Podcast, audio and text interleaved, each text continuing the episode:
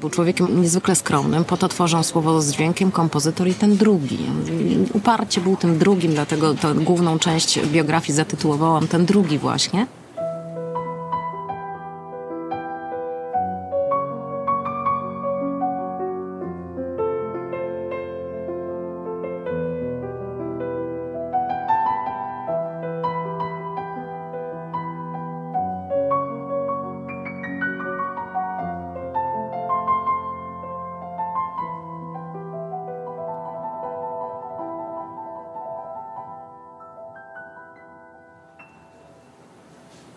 Bardzo miło się schować przed y, chłodem przy herbatce, zwłaszcza, że ta herbatka nam gwarantuje jakiś taki pierwiastek y, e, pewnej elegancji, a ta elegancja, szczególnie elegancja w słowie, nie tylko w menu, będzie bardzo przydatna. Dzisiaj w podcaście Score in the City, który jest podcastem o muzyce filmowej, a my dzisiaj trochę ten kontekst rozszerzymy, rozmawiać będziemy o Jeremim Przyborze z okazji wydanej właśnie książki Juan Don Marii Wilczek-Krupy. Pięknie masz tu napisane na okładce. Pisze powoli, zostawia przestrzeń na domysły i nie boi się współczesnego języka. Bohaterów swoich książek nie odlewa z brązu. A wśród tych bohaterów przypomnijmy Wojciech Kilar i e, Henryk Mikołaj e, Górecki. Zafascynowana życiem i jego przejawami, jak mawiał Juan Don, wytrwale przez blisko pięć lat i nie licząc czasu dokumentowała świat starszego pana B. Czytała, badała, rozmawiała, podawała w wątpliwość i ujawniła prawdziwą historię Jeremiego Przybory przesyconą miłością, poezją i atmosferą dwudziestowiecznej Warszawy. Autorka jest e, dzisiaj e, ze mną i mam okazję i ochotę Cię przepytać e, również o wątki związane ze srebrnym ekranem. No, czy można powiedzieć, że starsi panowie zmienili polską telewizję? A zdecydowanie można tak powiedzieć, że zmienili telewizję. Oni ją w ogóle rozpoczęli, moim zdaniem, w pewnym sensie, bo choć e, w 58 roku telewizja już oczywiście funkcjonowała, to jednak wciąż były to jej, e, jej początki. Kabaret Starszych Panów był czymś absolutnie nie, niespotykanym wcześniej. Mm, I myślę, że to nie tylko zaskoczyło e, realizatorów telewizyjnych, ale w ogóle telewizji wszystkich naokoło, bo przecież 58 rok to jest czas, kiedy naokoło szarość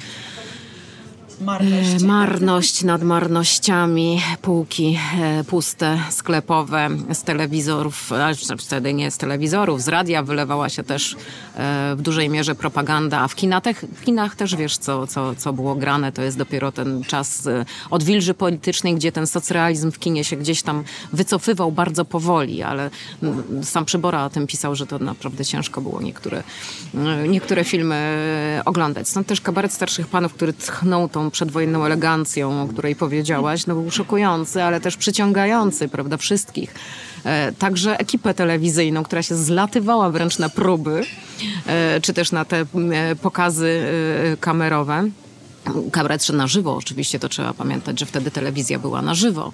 Oni się gdzieś tam zlatywali przez, prawie że przez dziurkę od klucza, oglądali, słuchali, zaśmiewali się z tego, ale też podziwiali na chwileczkę byli w stanie wyjść z tego z tej PRL-owskiej bańki, przenieść się do innego uniwersum, uniwersum, takiego przedwojennego, takiego eleganckiego, takiego poetyckiego, no takiego kompletnie innego niż wszystko za oknem. Tak sobie myślę o tym, że Przybora musiał coś takiego magicznego w sobie mieć, żeby e, najpierw zafascynować e, świat polskiej rozrywki, e, no a w efekcie teraz, teraz i ciebie, że poświęciłaś mu tyle, tyle lat. E, co to było?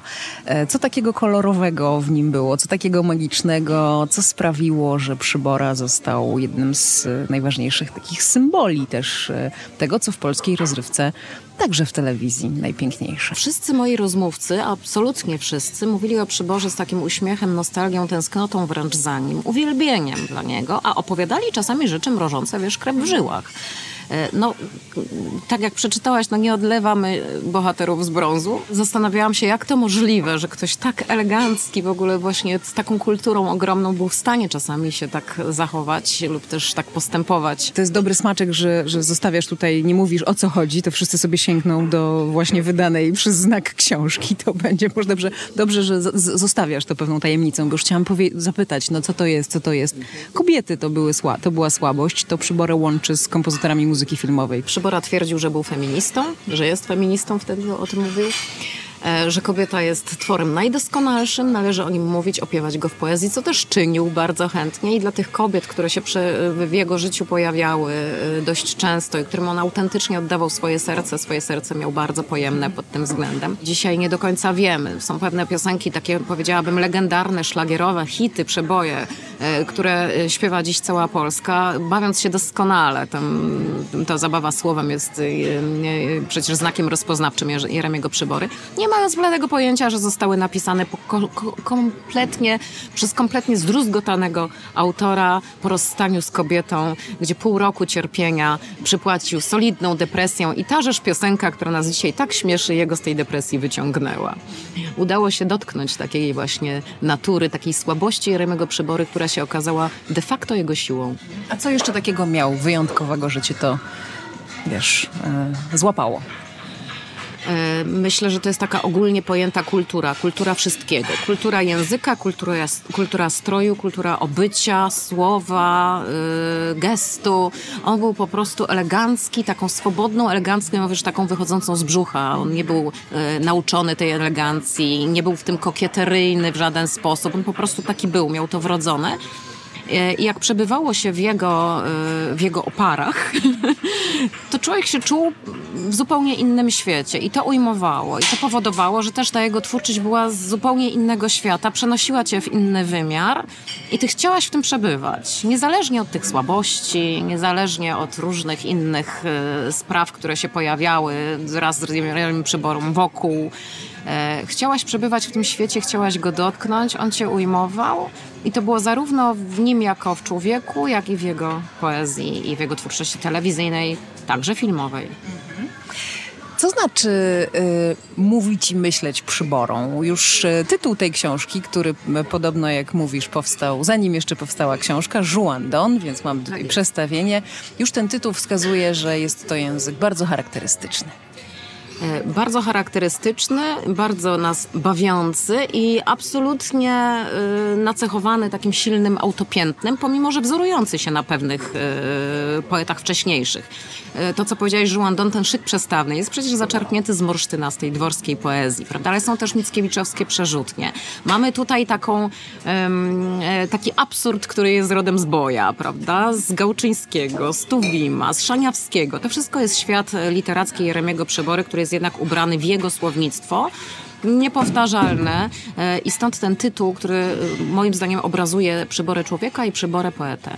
Czyli Juan Don, tytuł zaczerpnięty z piosenki Atatola, Lovelas i Żigolak, Juan Don.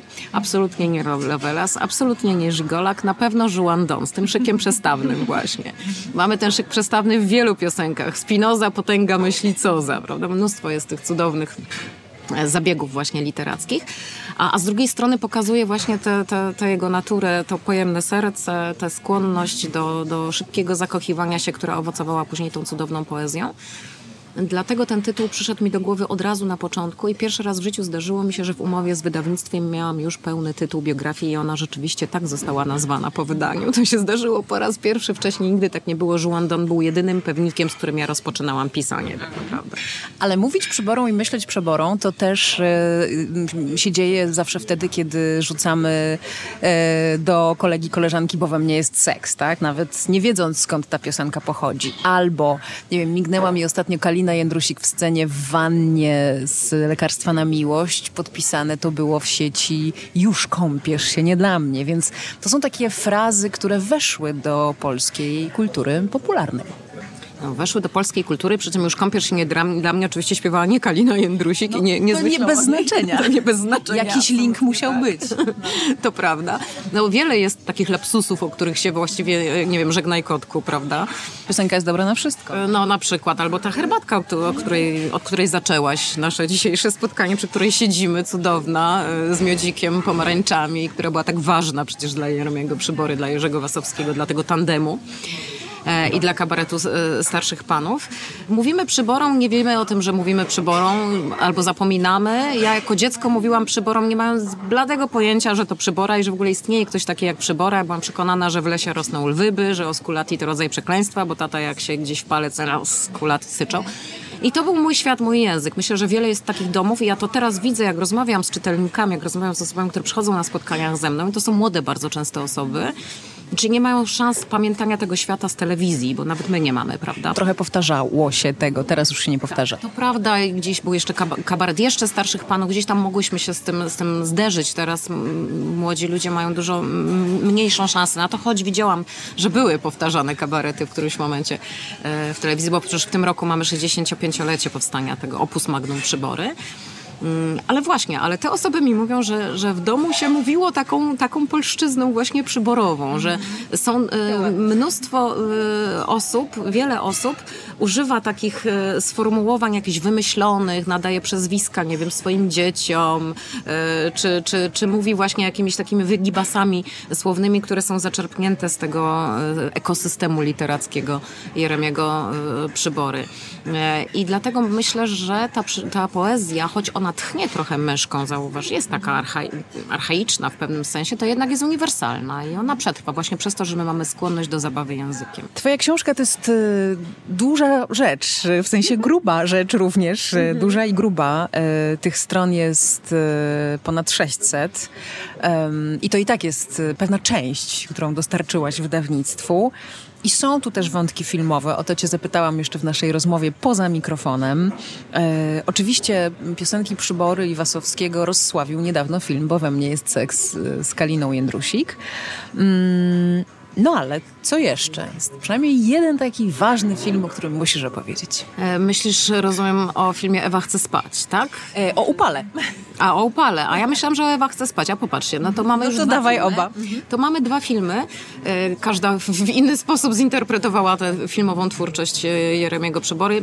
E, może najpierw Ewa chce spać, bo tam Jeremi Przybora napisał dialogi za pośrednictwem kobiety właśnie. Znów kobieta, druga żona, Iga.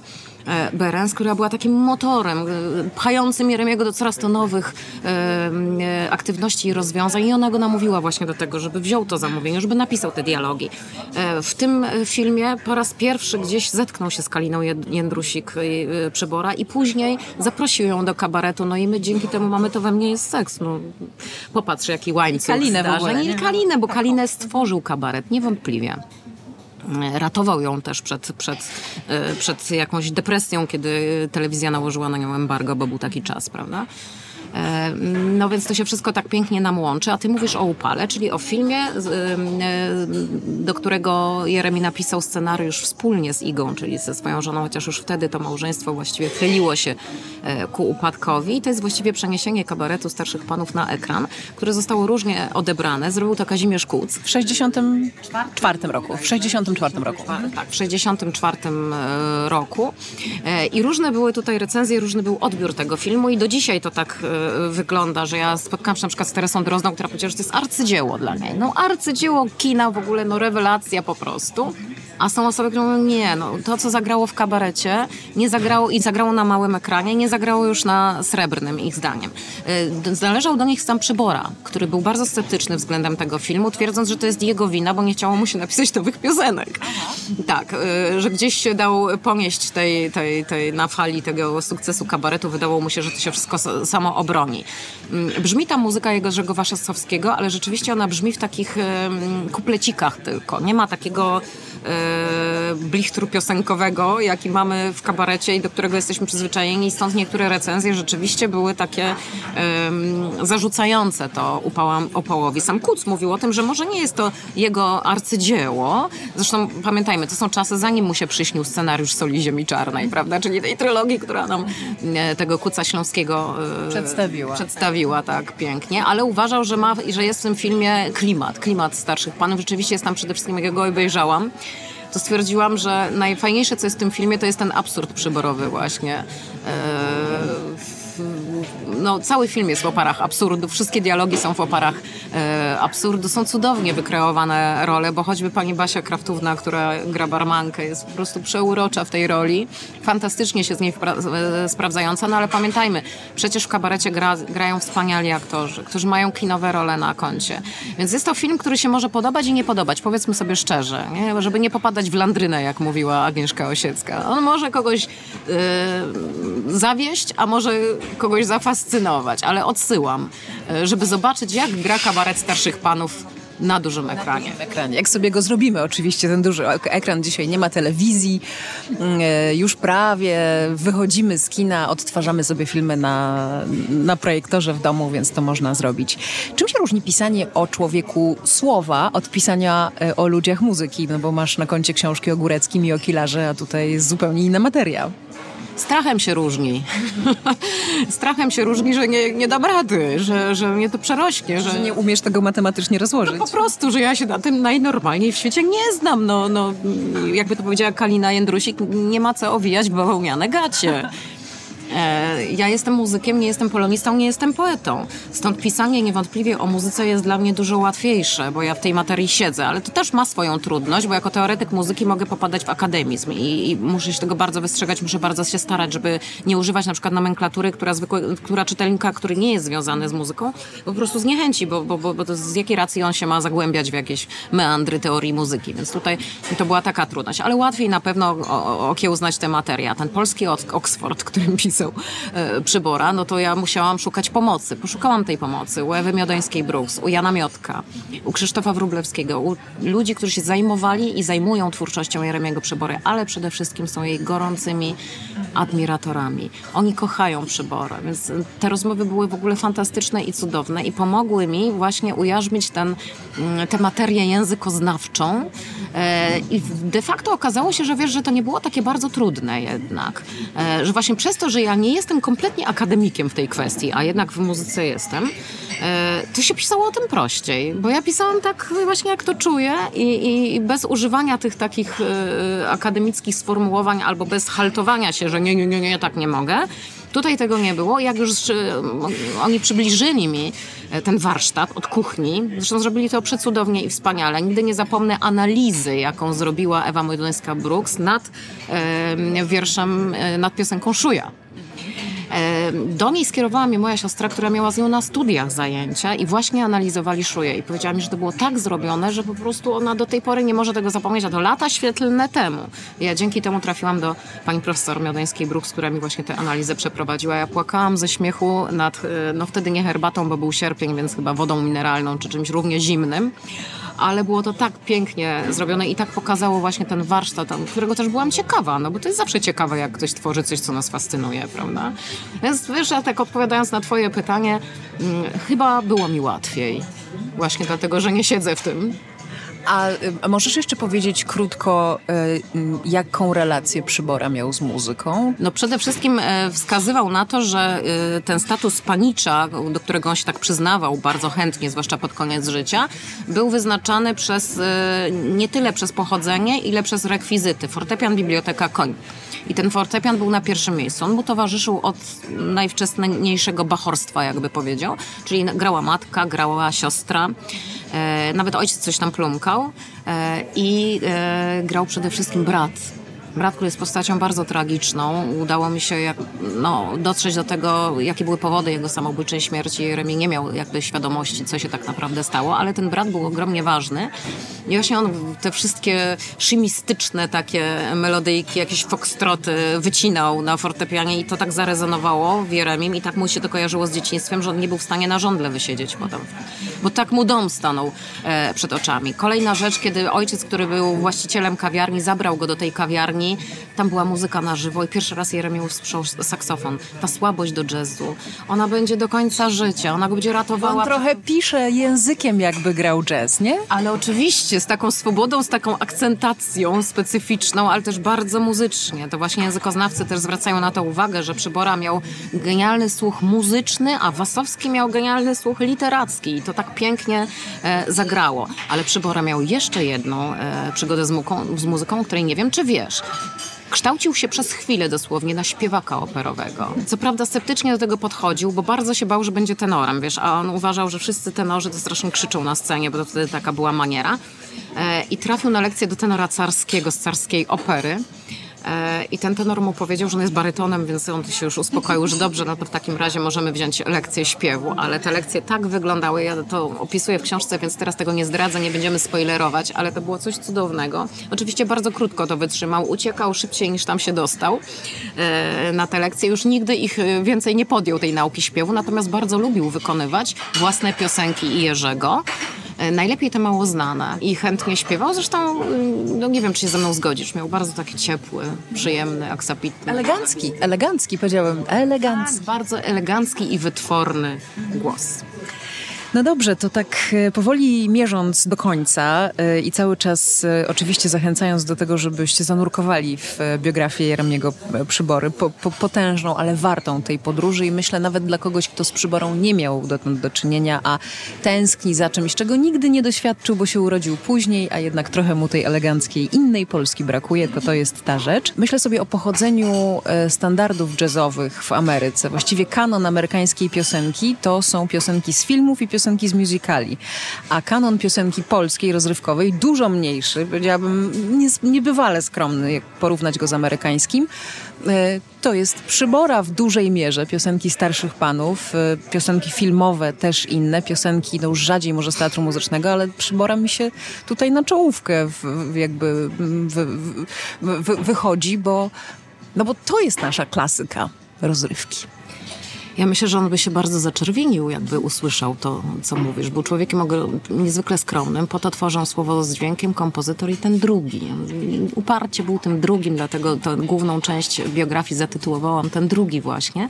Więc zaczerwieniłby się i poczułby się niesamowicie nobilitowany i dumny, że go porównałaś z tą amerykańską kulturą i piosenką, bo Ameryka była dla niego ogromnie też e, ważna kulturowo. No, skoro żył w PRL-u, to musiała, bo przecież wiadomo, że wszystko, co złe, to kojarzyło się z imperium imperializmem, jeśli chodzi o, o tę doktrynę, która wtedy panowała. Do tej, e, do tej amerykańskości bardzo uciekał i mamy tego ślady w, w jego twórczości. Swing był dla niego ogromnie ważny. E, pisał też, e, zdarzyło mu się napisać kilka tekstów do takich właśnie standardów tak jak mówiłam, te standardy pozwoliły mu w ogóle e, wojnę przetrwać, bo przecież z Wasowskim łapali BBC, prawda, i słuchali, słuchali swinga. E, na pewno nie czułby się ikoną, nie czułby się legendą polskiej piosenki, bo w ogóle nie czuł się poetą. I, i, i uważał, tylko tym to, drugim. Tylko tym drugim, tak, co, to, bo, bo oni tam tylko wiążą e, słowo z dźwiękiem, ale masz rację, on jest na samym szczycie, ta wytworność tej e, poezji, ale też wytworność... Nieprzemijalność. Muzyki. E, nie nieprzemijalność też, ale myślę, że tutaj trzeba też oddać Wasowskiemu sprawiedliwość, że naprawdę to był tandem idealny. On Wasowskim się zajmiesz, rozumiem, w tej, teraz w, w tej części. To przybora musi wyrezonować we mnie. Okay. Trzy y, rozdziały ma ta książka też nieprzypadkowo. Nieprzypadkowo sama ułożyła się w tryptyk. Tryptyk y, to była taka forma, którą Jeremi bardzo chętnie stosował w swojej twórczości i to życie się ułożyło w tryptyk. Pomysł był kompletnie inny, miała to być biografia czteroczęściowa, y, konspekt, który wydawnictwo dostało przy umowie, y, nie ma w ogóle odzwierciedlenia w dzisiejszej książce. Opowieść poprowadziła mnie właśnie tak, y, tak trójaktowo, bym powiedziała, i wyszedł tryptyk o jej ramieniu przy Boże. Don, Marysiu, mam dla Ciebie niespodziankę na koniec, mm, bo nie, nie skończę hasłem piosenka jest dobra na wszystko, tylko skończę koftą. O. Kochajcie starszych panów, mądre dziewczyny. Będzie wam zapisany dobry uczynek. E, kochajcie starszych panów to dobry sposób, żeby się poczuć damą, uśmiechem losu. Podoba ci się taki koniec? Przepiękna puenta. Nie wyobrażam sobie lepszej. To lećcie do księgarni, e, bo Juan Don tam czeka na was bez wątpienia najbardziej fascynujący mężczyzna tej końcówki roku. Bardzo ci dziękuję. Dziękuję bardzo.